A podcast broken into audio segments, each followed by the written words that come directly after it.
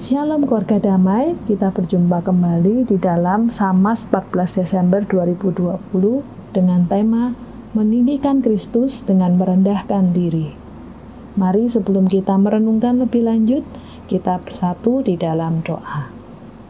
Tuhan Allah Bapa kami, saat ini kami membuka hati kami untuk menerima firman-Mu ya Tuhan. Biarlah firman-Mu yang boleh menjadi penuntun di dalam kehidupan kami sehari-hari dan biarlah hidup kami sungguh-sungguh boleh hidup yang dipimpin oleh Kristus, bukan sekedar kami mengandalkan diri kami sendiri.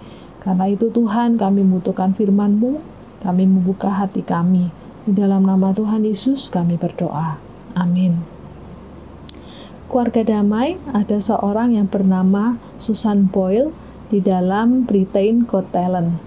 Ketika pertama kali dia naik panggung, tidak sedikit orang memandang rendah dia sebab dia memiliki tubuh yang tidak meyakinkan.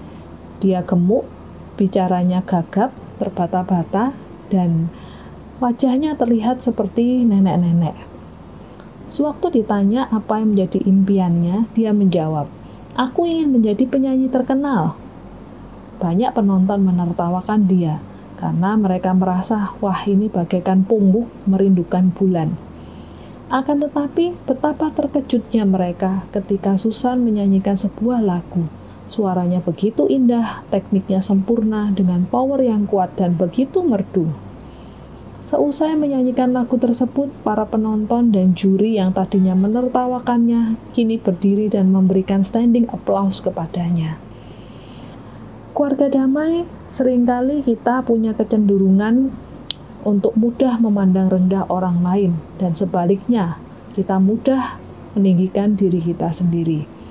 Di dalam Lukas 18 ayat 9 sampai 14 ada sebuah kisah yang diceritakan oleh Tuhan Yesus. Berbunyi demikian.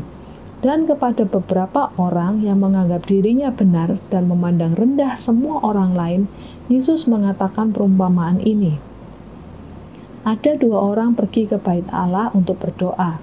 Yang seorang adalah Farisi dan yang lain pemungut cukai. Orang Farisi itu berdiri dan berdoa dalam hatinya begini. Ya Allah, aku mengucap syukur kepadamu karena aku tidak sama semua seperti semua orang lain. Bukan perampok, bukan orang lalim, bukan pejinah, dan bukan juga seperti pemungut cukai ini. Aku berpuasa dua kali seminggu Aku memberikan sepersepuluh dari segala penghasilanku. Tetapi pemungut cukai itu berdiri jauh-jauh, bahkan ia tidak berani menengadah ke langit, melainkan ia memukul diri dan berkata, Ya Allah, kasihanilah aku orang berdosa ini. Aku berkata kepadamu, orang ini pulang ke rumahnya sebagai orang yang dibenarkan Allah dan orang lain itu tidak. Sebab barang siapa meninggikan diri, ia akan direndahkan dan barang siapa merendahkan diri, ia akan ditinggikan. Keluarga damai, di sini letak persoalan dari orang Farisi ini. Kesalahannya bukan terletak di informasi yang diberikan, tetapi terletak pada sikap hatinya.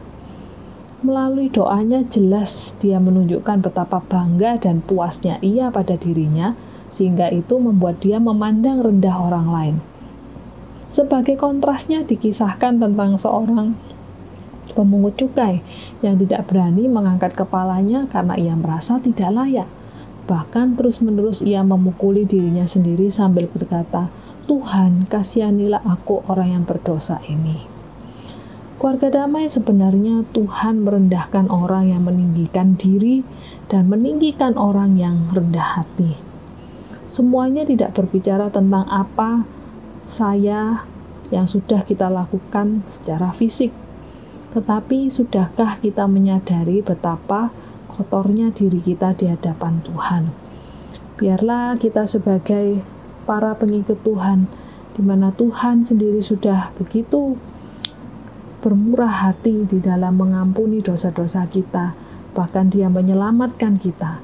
Itu menjadi satu hal yang boleh membawa kita untuk terus-menerus dari hari ke hari kita menyadari siapa diri kita, bahwa seharusnya kita seorang yang tidak layak, kita adalah seorang yang diselamatkan oleh Tuhan.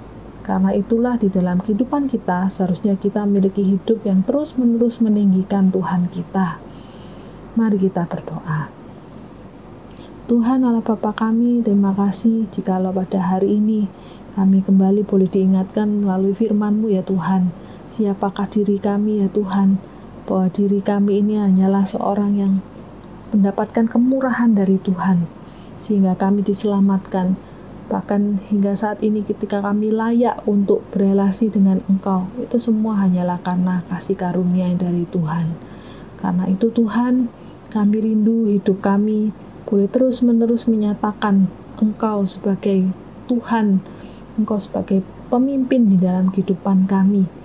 Biarlah hidup kami sungguh-sungguh boleh memancarkan terang kasih Tuhan, dan biarlah Tuhan sendiri yang ditinggikan di dalam kehidupan kami. Inilah menjadi kerinduan kami Tuhan dari hari ke hari. Di dalam nama Tuhan Yesus kami berdoa. Amin. Keluarga damai selamat meninggikan Kristus di dalam kehidupan kita.